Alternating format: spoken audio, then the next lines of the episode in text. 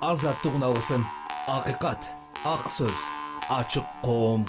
Бишкекте саат жети болду. Азаттык радиосунан сүйлөйбүз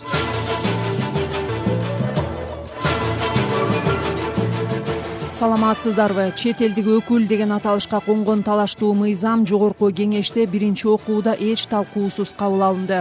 Мүмкүнчүлүгү чектелген балдар менен иштеп аткан инвалиддер менен иштеп аткан аялдар менен ушундай сыяктуу алектенген уюмдарга түздөн түз таасир эте турган чечим. Кум төр ишканасындагы коррупция боюнча соттук териштирүүлөрдүн чоо жайы жакынкы чыгыштагы соңку кырдаал электр энергиясы токтоп калса жандандыруу бөлүмүндө оор абалда жаткан бейтаптарыбызды өлүмгө өкүм кылгандай болуп калабыз кыргызстанда аялдарга карата зомбулукту токтотууга арналган акция өтүүдө өлкөдө кызылча оорусу жайылып дарыгерлер кошумча эмдөө жүргүзүп жатышат алдыдагы программабызда мына ушул жана башка темаларга кененирээк токтолобуз микрофондо мен рахат кеңешова бүгүн күнгө шаршемби жыйырма бешинчи октябрь. Алгач соңку жаңылыктар топтому сөз түмөнбай абдинаби уулунда рахмат саламатсызбы? Газа тилкесинде блокадада калган тургундар үчүн шейшемби күнү кечинде жыйырма төртүнчү октябрда гуманитардык жардамдын төртүнчү партиясы келди бул тууралуу. Рейтерс агенттиги палестинадагы кызыл жарым ай коомуна шилтеме кылып жазды. Ага ылайык египет аркылуу дары дармек азык түлүк жана суу жүктөлгөн сегиз машине чек арадан өттү. Мунун алдында дүйнөлүк саламаттык сактоо уюму жарадарларга толуп калган газадагы ооруканаларды медициналык каражаттар жана суюк отун менен камсыздоого шарт түзүү үчүн ок атышууну токтотууга чакырган. Бир күн мурда уюм анклавдын түштүгүндөгү төрт ооруканага жана палестинанын кызыл жарым ай уюмуна зарыл болгон медициналык буюмдар каражаттар дары дармек жеткирилгенин билдирген бирок газанын дарыгерлери өтө көп нерселерге муктаж экени айтылып жатат. Израиль менен хамас радикал тобунун он тогуз күндөн бери уланып келаткан согушу эки тараптан жети миң эки жүздөн ашуун кишинин өмүрүн кыйды израилдин коргонуу армиясы сирия тараптан жасалган соккуларга жооп катары сириялык аскерлерге караштуу жайларга сокку урду бул тууралуу цахал социалдык түйүндөр аркылуу билдирди. Израилдин чабуулу тууралуу сириянын мамлекеттик маалымат каражаттары аскерлерге таянып жазды. Маалыматка караганда анда сегиз сириялык жоокер мүрт кетип бир нечеси бир нечеси жараат алган. Хамас тобу израилге кол салган жетинчи октябрдан бери сирия тараптан бир нече ирет абадан сокку урулганын цахал билдирген. Маалыматка караганда соңку ирет жыйырма төртүнчү октябрда сирия тараптан учурулган эки ракета израилдин аймагына түшкөн. Ал арада израилдин күчтөрү газа тилкесине абадан сокку урууну күчөттү. Цахал тараткан маалыматка караганда соңку бир сутка ичинде хамас радикалдуу уюмуна караштуу жүздөгөн жайлар бутага алынды хамас тобунун өкүлдөрү жыйырма бешинчи октябрга караган түнү жөөт күчтөрүнүн чабуулунан кеминде сексен киши мүрт кеткенин билдирди. Согуш маалында тараптардын билдирүүлөрүн көз карандысыз булактардан ырастоо мүмкүн эмес жыйырма төртүнчү октябрда бишкекте номер кырк сегизинчи каттамдагы автобус эки адамды коюп кетип бирөө каза болду. Бул тууралуу азаттыкка бишкек шаардык жол коопсуздугун камсыздоо башкармалыгынын басма сөз катчысы тилек исаев билдирди. Окуя саат он төрт отуз чамасында болгон анда автобус шаардын жибек жолу менен ала арча көчөлөрүнүн кесилишинде жөөтмөктөн өтүп бараткан эки кишини сүзүп кеткен. Алардын бири сексен эки жаштагы жаран окуя болгон жерде өзүнө келе албай каза болгон. Кырк сегиз жаштагы тургун мээси чайкалып бишкек шаардык улуттук ооруканага жаткырылган. Коомдук транспортто бараткан жүргүнчү да жараат алып ооруканага кайрылган. Автобус айып жайына токтотулуп тергөө иштери жүрүүдө жогорку кеңештин жыйырма бешинчи октябрдагы жыйынында чет элдик өкүл жөнүндөгү мыйзам долбоору каралып аны биринчи окууда эч кандай талкуусуз кабыл алынды. Анда документтин негизги автору депутат надира нарматова. Баяндама жасагандан кийин төрага нурланбек шакеев сунуш пикирлер болсо экинчи окууга чейин жазуу түрүндө берүү керектигин айтып документти талкуусуз добушка койду жана көпчүлүк колдоду. Муну бүтүн кыргызстан фракциясынын депутаты гуля кожогулова сынга алып парламенттин регламенти сакталбай жатканын эскертти. Башында автор катары нарматова өзү жалгыз көрсөтүлгөн документке кийин дагы отуз эки депутат демилгечи болуп кошулган коомчулуктагы кызуу талаш тартыштардан кийин бир катар депутаттар авторлуктан баш тартышкан. Мунун себебин алар документке ашыкча чектөөлөр киргизилип жатканы менен байланыштырган. Адилет укуктук клиникасы нарматованын мыйзам долбоорун иликтеп чыгып ал орусиянын чет элдик агенттер жөнүндөгү мыйзамына токсон сегиз пайыз окшош экенин аныктаган. Бир катар эл аралык уюмдар жана жергиликтүү жарандык уюмдар дагы бул тууралуу парламентке бийликке кайрылууларын айтып келишет кытайдын төрагасы ли цяндын кыргызстандагы расмий сапарын алкаганда он эки макулдашууга документке кол коюлду. Анда кыргыз кытай өкмөттөрүнүн ортосундагы эки миң жыйырма үч жыйырма жетинчи жылдарга чек аралык кызматташуу программасы санарип экономика тармагындагы кызматташуу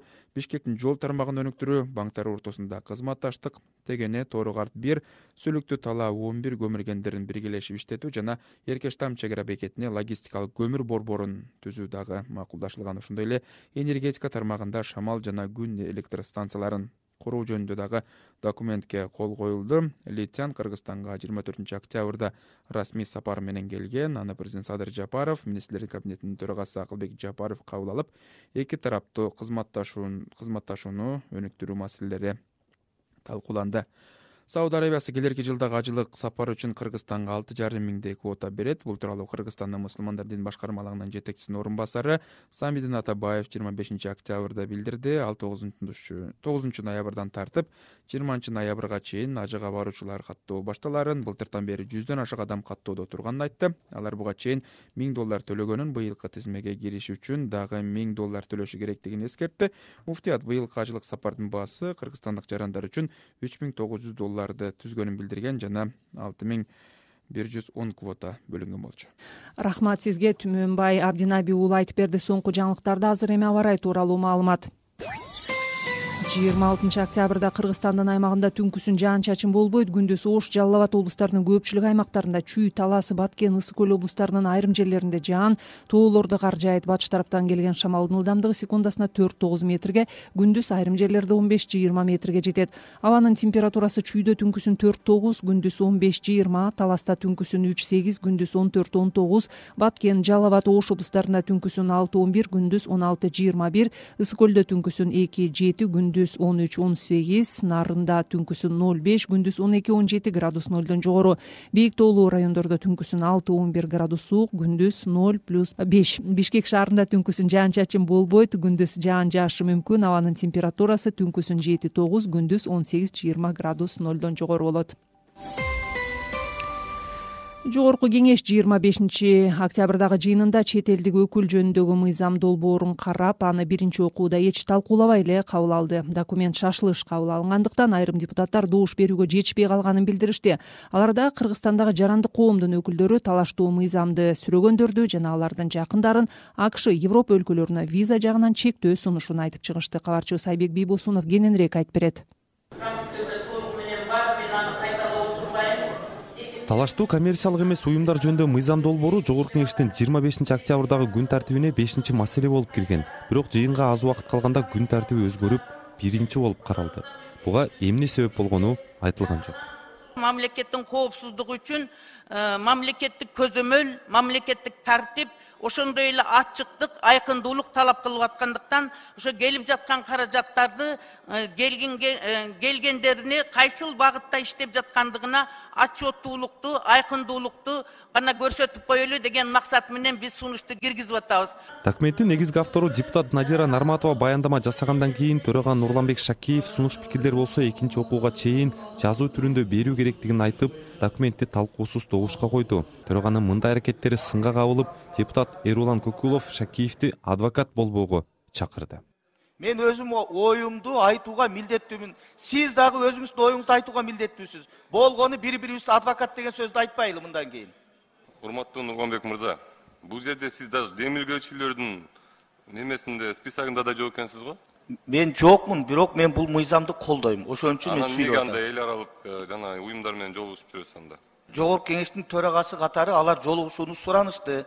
Мен бир катар ондон ашык жолугушууларды өткөрдүм. Ошондо бүт баарына ушул түшүнүктү айттым демилгечилердин арасына кирип деле алсаңыз болот экен да анда туурабы? Мага маселе эмес жогорку кеңештин отурумунда кырктай депутат отурганы менен жетимиш эки эл өкүлү каттоодон өтүп анын элүү экисинин добушу менен чет элдик өкүл жөнүндө делген мыйзам биринчи окуудан өтүп кетти. Депутат гуля кожокулова мыйзамдагы чет элдик өкүл деп таанылган уюмдун ишине катышкандарды же аларды пропаганда кылгандарды он жылга эркинен ажырата турган беренени сынга алды вопрос вообще сам даже не в законе нко. Вопрос именно в уголовной ответственности. Маселе коммерциялык эмес уюмдар жөнүндө мыйзамда эмес. Кеп кылмыш жоопкерчилигинде болуп жатат. Эмнеге кылмыш кодексине өзгөртүүлөр киргизилип жатат? Эгер кайсыл бир нормалар бузулса башында эскертүү берилип же айыпка жыкса болот го бирок он жылга эркинен ажырата турган кылмыш жоопкерчилиги болбош керек да. Бейөкмөт уюмдардын ишине жигердүү катышуу деген эмне болгон кылмыш катышуу үчүн камалбайт да кылмыш жоопкерчилиги болбошу керек. Участие в неправительственной организации. За участие не сажают. Надира нарматова баштаган депутаттар сүрүп аткан мыйзамга ылайык чет өлкөдөн каржыланган жана кыргызстанда саясий ишмердик менен алектенген жергиликтүү бейөкмөт уюмдар чет элдик өкүлдүн ишин аткаруучу деп таанылат жана тиешелүү реестрге катталат. Чет элдик өкүл катары каттоодон өтпөгөн уюмдардын ишмердиги алты айга чейин токтотулат. Ушундан улам бийликке жакпаган уюмдар медиалар кысымга кабылат деген чочулоо болуп жатат. Чет өлкөлөрдүн өкүлү деп мындай наам жарандарыбыздын арасында эгер берилсе кандай кандай кабыл алат ушул биздин жарандарыбыз? Кандай дейсиз? Туура эмес менимче. Ошондуктан мындай сыяктуу өзгөрүүлөр такыр менимче кереги жок. Мүмкүнчүлүгү чектелген балдар менен иштеп аткан инвалиддер менен иштеп аткан картайган адамдар менен аялдар менен балдардын уктары менен иштеп аткандар ушундай сыяктуу алектенген уюмдарга түздөн түз таасир эте турган чечим. Ошондуктан биз этият болушубуз керек. Деди жогорку кеңештин депутаты чыңгыз айдарбеков ал арада кыргызстандын медиа жана жарандык коом өкүлдөрү акшнын швейцариянын улуу британиянын жана европа өкүлдөрүнүн элчиликтерине кайрылып чет элдик өкүл мыйзамын колдогон депутаттарды жана алардын жакындарын виза жагынан чектөөгө чакырышты алардын тизмесинде надира нарматованын төрага нурланбек шакиевдин талаштуу мыйзамды колдогон комитеттердин төрагалары сүйүнбек өмүрзаков менен чолпон султанбекованын аты аталды. Журналисттик иликтөөлөр фондунун аткаруучу директору гладис темирчиева ограничивают право да граждан на свободу кыргыз жарандарын гана эмес бул жакта иштеген чет өлкөлүктөрдүн да сөз эркиндигине пикирин эркин билдирүүгө чогулууга болгон укугун чектөөчү мыйзамды колдоп жаткан депутаттар аталган мамлекеттерде бизнес ачышына мүлк сатып алышына балдарын окууга жөнөтүүгө же өздөрү барышына ал жакта жашашына эс алышына жол берилиши керек деп эсептейбиз. Көптөгөн депутаттардын бул өлкөлөрдө бизнеси бар балдары окушат. Недвижимость отправлять на обучение своих детей сами ездить возможно на отдых там. Адилет укуктук клиникасы нарматованын мыйзам долбоорун иликтеп чыгып ал орусиянын чет элдик агенттер жөнүндө мыйзамына токсон сегиз пайыз окшош экенин аныктаган. Аталган мыйзам долбоору боюнча бириккен улуттар уюму баштаган эл аралык уюмдар тынчсыздануусун билдирген. Эбек бийбосунов нурлан бейшебаев азаттык бишкек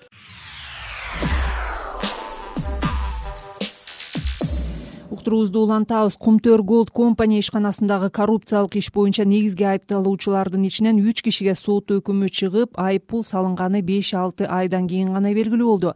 Алар жүз он миң сомдон төрт жүз миң сомго чейин айыпка жыгылып келтирилген чыгымдын ордун толтуруп беришкен экен. Кумтөр ишинин чоо жайы тууралуу кабарчыбыз бакыт төрөгелди сөз кылат бишкектин октябрь райондук соту кумтөр иши боюнча айып коюлган айшагүл фронтбек кызы жаналиева менен рысбек токтогуловго өкүм чыгарганы жыйырма төртүнчү октябрда гана белгилүү болду.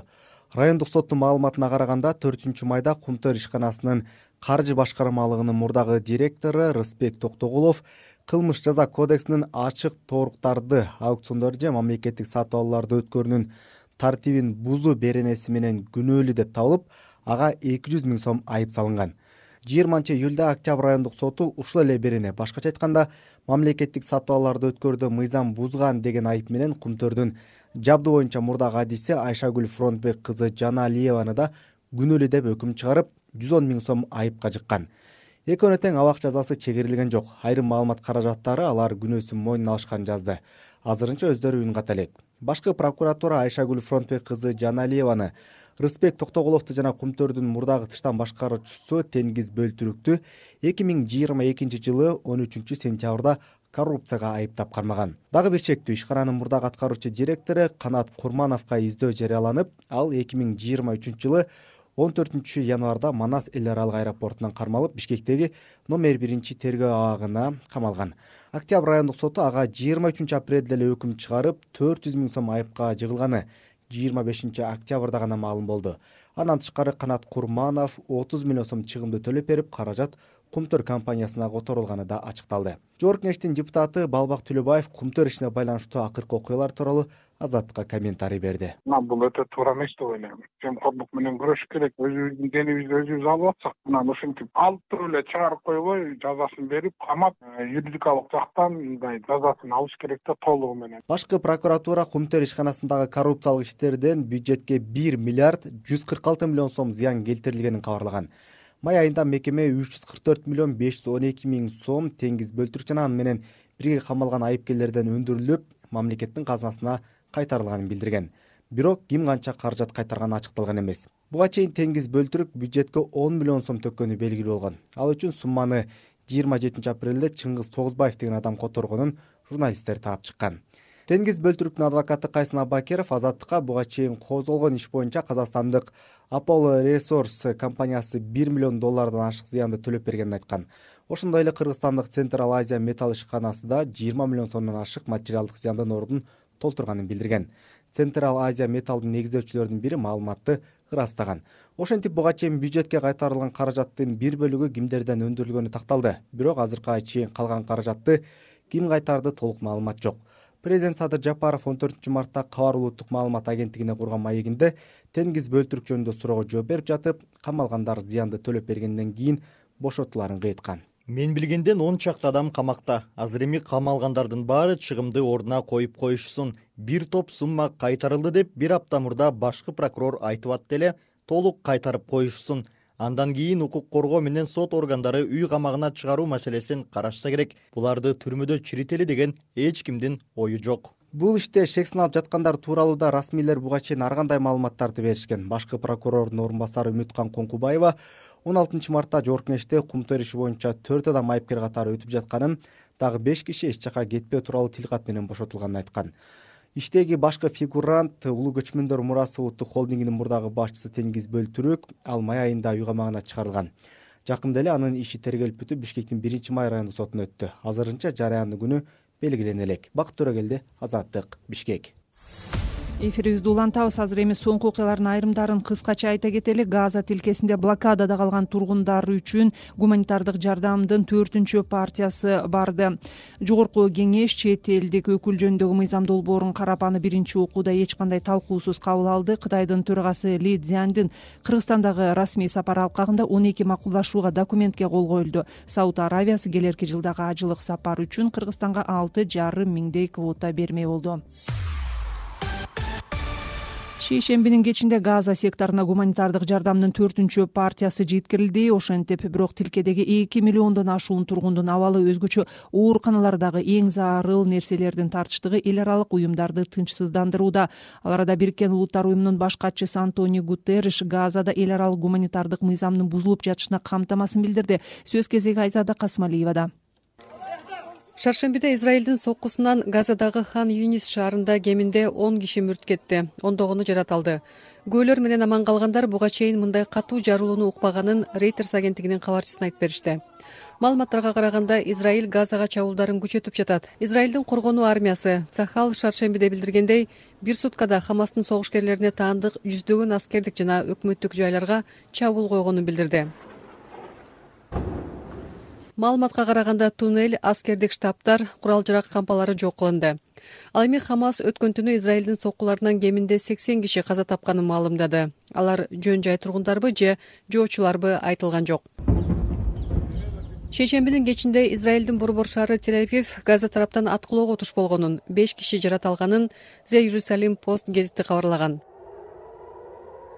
шейшембинин кечинде газа секторуна гуманитардык жардамдын төртүнчү партиясы жеткирилди. Газаны көзөмөлдөгөн хамас уюмунун жоочулары жетинчи октябрда израилге кол салгандан кийин жөөт армиясы жооп иретинде тилкени блокадага алып палестиналык радикал топко каршы согуш жарыялаган. Таза суу электр энергиясы азык түлүк дары дармек тартыш болуп жаткан газанын эки миллиондон ашуун тургунун гуманитардык апат коркунучу тооруду жыйырма төртүнчү октябрда дүйнөлүк саламаттыкты сактоо уюму жарадарларга толуп калган газадагы ооруканаларды медициналык каражаттар жана суюк отун менен камсыздоого шарт түзүү үчүн ок атышууну токтотууга чакырган ага чейин уюм анклавдын түштүгүндөгү төрт ооруканага жана палестин автономиясынын кызыл жарым ай уюмуна зарыл болгон медициналык буюмдар каражаттар дары дармек жеткирилгенин билдирген. Бирок газанын дарыгерлери өтө көп нерселерге муктаж экенин айтышат. Реанимация хирургия бөлүмүндөгү баардык жабдык аппараттар электр энергиясы менен иштейт. Электр энергиясы токтоп калса жандандыруу бөлүмүндө оор абалда жаткан бейтаптарыбызды өлүмгө өкүм кылгандай болуп калабыз шейшембиде бириккен улуттар уюмунун коопсуздук кеңешинде сүйлөгөн уюмдун башчысы антонио гутерриш израиль менен хамастын ортосундагы куралдуу жаңжалда карапайым эл корголууга тийиш деп билдирди. Газада эл аралык гуманитардык мыйзамдын бузулуп жатышына күбө болуудабыз мени бул терең тынчсыздандырат. Так айтып коюш керек. Куралдуу жаңжалда бир да тарап эл аралык гуманитардык мыйзамдан жогору боло албайт баш катчы хамастын кол салуусу жок жерден болгон жок. Палестиналыктар элүү алты жылдан бери муунтуучу оккупацияга дуушар болуп келатат деп айтып палестин элинин азап чегүүсү хамастын үрөй учурган чабуулун актабайт. Ошол коркунучтуу жортул дагы палестин элинин коллективдүү жазаланышын актабайт деп кошумчалады. Айзада касымалиева азаттык кыргызстандагы окуяларга келсек эми кайрадан мурдагы күйөөсүнөн кордук көргөн аселдин окуясынан кийин ондогон келиндер өздөрү кабылган зордук зомбулук тууралуу жазууда. Социалдык түйүндөрдө зомбулукту токтотууга чакырган мен аселмин деген хештег менен флешмоб акция өтүп жатат. Аялдардын укугун коргоочулар зомбулук токтобой жатышынын себептеринин бир катары көп учурда зордукчулдун жазасыз калуусун укук коргоо сот органдарында коомдогу мамилени айтып жатышат. Канымгүл элкеева кененирээк токтолот. Мурдагы күйөөсүнөн зомбулук көрүп кийин кулак мурдун кескилеген асель нугойбаеванын окуясынан кийин ондогон аялдар өздөрү кабылган окуялар тууралуу айтып чыгышты. Айрымдары азаттыкка ачык кайрылса кээ бири ысымын жашырып зомбулук көрүп жашап жүргөн турмушу тууралуу жазууда. Зомбулукка кабылган аялдардын көпчүлүгү бул тууралуу ачык айтып чыгуудан жазганышат коркушат тартынышат. Үч жылдан бери күйөөсүнүн ур токмогуна кабылып жашап келатканын айткан жыйырма эки жаштагы чынаргүл күйөөсүнүн ур токмогунан качып кошуна колоңдун үйүнө кире качкан учурлар далай болгонун каралаш шаар тургундары дагы жок экенин айтып берди. Каармандын аты белгилүү себептерден улам өзгөртүлдү. Чогуу жашап атам. Чогуу жашаганы менен ушул азап жеп атам да. Ооруп тепкилепчи мен өзүм отдельный комнатада өзүм жалгыз чай ичип атам кылып атам даже мындай мени ууруп бар жогумда мурдумду көгөртүп анан кол бетеримди көгөртүп неме кылып салат да көп көп ичет аябай эки колумду көгөртүп салган. Азыр шишка турат да колумдачы көз жагымдайам кызылы бар шырам бар. Арыз жаздым болбой калды. Башыма дагы жетип келдилер. Мындай болбойт дегичи колумдан ууруп мен колум ооругандан бери ушу колум ооруп атат мен мен билбейм эртеге мен да ошо сиздин немеңизге окшоп ушинтип болуп калам го баягы эжеге окшоп. Чынаргүл тажикстандан көчүп келген. Атасы каза болуп энеси оорукчан болгондуктан мектепти тогузунчу класска чейин эле окуп калган экен. Кайын журту дагы кордоп жакшы мамиле кылбаганын айтып жатат. Күйөөсүнөн кетсе баш калкалай турган жери жок экенин айтып жашыды чүй облустук милициясынын басма сөз кызматы бул келиндин арызы боюнча маалымат такталаарын азаттыкка билдирди. Расмий маалыматтарга караганда быйыл сегиз айда үй бүлөлүк зомбулук боюнча сегиз миң беш жүздөн ашуун факт катталган. Бул өткөн жылга салыштырмалуу дээрлик бир жарым миң учурга көп. Бул жөн гана сандар эмес. Мунун артында асель сыяктуу ондогон тагдырлар болушу мүмкүн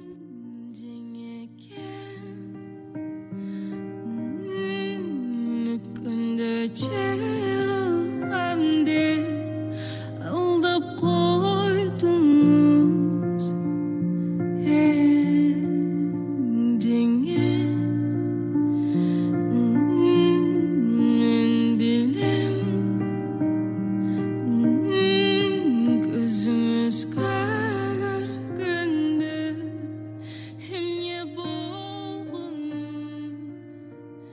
ушул тапта мен аселмин аттуу аялдарга карата зомбулукту токтотууга чакырган флешмоб акциялар өтүп жатат. Видеоролик кыргызстандык ырчы зеренин буга чейин бириккен улуттар уюмунун аялдарга карата зомбулукту токтотууга арналган он алты күндүк өнөктүгүнө арналып жазылган жеңе деген ырынын фонунда тартылган. Мында ырчы жеңесинин жылмаюусунун артында зомбулуктун белгилери турганын бети башы көгөргөн зомбулукка чыдабай кетип калууга чакырган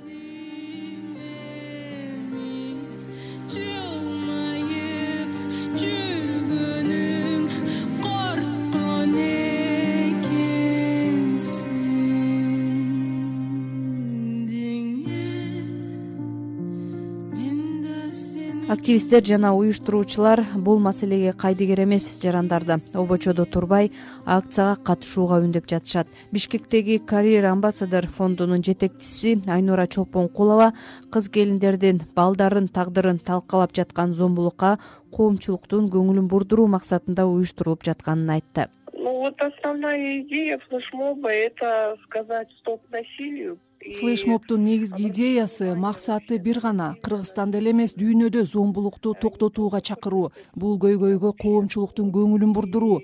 Эмне үчүн мен асель деп атадык? Анткени аселдин ордунда башка аялдар дагы болуп калышы мүмкүн. Ошондуктан ага ар кайсы курактагы кыз келиндер катышып атат. Бул көйгөйгө кайдыгер карабаган адамдар көп болсун деген ойдомун. Статистиканы караганда деле соңку жылдары үй бүлөдөгү зомбулук учурлары көбөйүп жатыптыр. Бир айда дээрлик миң аял зомбулукка кабылат экен. Канымгүл элкеева азаттык бишкек. Азаттык радиосунун эфири уланууда кыргызстанда жыл башынан бери кызылча менен ооруган үч миңге чукул бейтап катталды. Алардын көбү балдар оору бишкек ош чүй жана жалал абад облустарында көп катталууда дейт. Кабарчыбыз кундуз кызылчарова. Кечээден баштап чөйдө сыйыт ачып баштадым да жийдегүл төрт кызын жетелеп жугуштуу оорулар клиникасына келген үч кызынын денесинде кызыл бүдүрлөр чыгып кеткен экен. Кооптонуп келдим эми көрбү көрмеспи деп. Больницага жатып чыктык да инфекционный может ошол жактан жуктуруп алдыкпы деп. Чөтүп кусуп температура кыркка үч кызым жатып чыкты бул кичинекей кызымга жуккан жок да болгон жок. Денесине ошо кечээ сып чыгып кичине ошону билейин деп келгем көрбү көрмеспи вакцина жок калган эмеспиз отказникпиз дин боюнча күйөөм үйдөгүлөр уруксат бербейт алдын ала териштирүүдө кыздардан кызылча аныкталган жок бирок адистер балдарды каттап ден соолугун байкап турмай болду. Жакында эле алар бул ооруканада жатып чыккандыктан кызылчаны жуктуруп алуу коркунучун жокко чыгаруу да мүмкүн эмес бүгүнкү күндө э, койрго эпидситуация өтө курч. Күнүнө биздин ооруканага жыйырмадай отуздай киши бейтаптар кайрылат. Бишкектеги жугуштуу оорулар клиникасында азыр кызылча жуктурган жүздөн ашык бейтап жатат. Алардын көбүнүн дене табы көтөрүлүп чүчкүрүп денесине кызыл жарачалар чыгып кеткен. Дарыгерлер үч бөлүмдөгү бейтаптардын ар бирин өзүнчө палатада дарылап жатат. Кызылча быйыл январь айынан тарта күч алды адистер ушул тапта ооруканага түшкөндөрдүн сексен беш пайызы вакцина албагандар экенин айтып жатышат. Вот он оказывается в аравии учится ал аравияда окуйт экен. Андан гепатиттин б түрүн аныктап эч нерсе сурабастан депортация кылышкан экен. Анын кыздары да бир дагы вакцина албаган. Аларга сурабай эле болгон эмдөөнүн баарын жасашкан экен.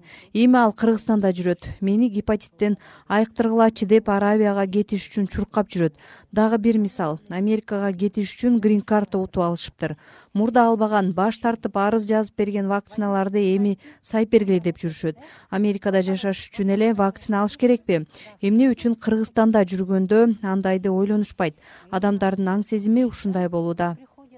Да самосознание людей должно быть. Деп айтты бишкектеги жугуштуу оорулар клиникасынын дарыгери асель балабасова. Жугуштуу оорулар клиникасына быйыл жыл башынан бери кырк алты миң киши кайрылса анын бир миң алты жүз он жетиси кызылча жуктургандар болгон маселен эки миң жыйырма экинчи жылы болгону мындай диагноз беш гана кишиге коюлган. Кыргызстанда эки миң он төртүнчү эки миң он бешинчи жылдары дагы кызылча боюнча эпидемиологиялык кырдаал курчаган ал кезде он жети миңден ашык кишиде кызылча аныкталган.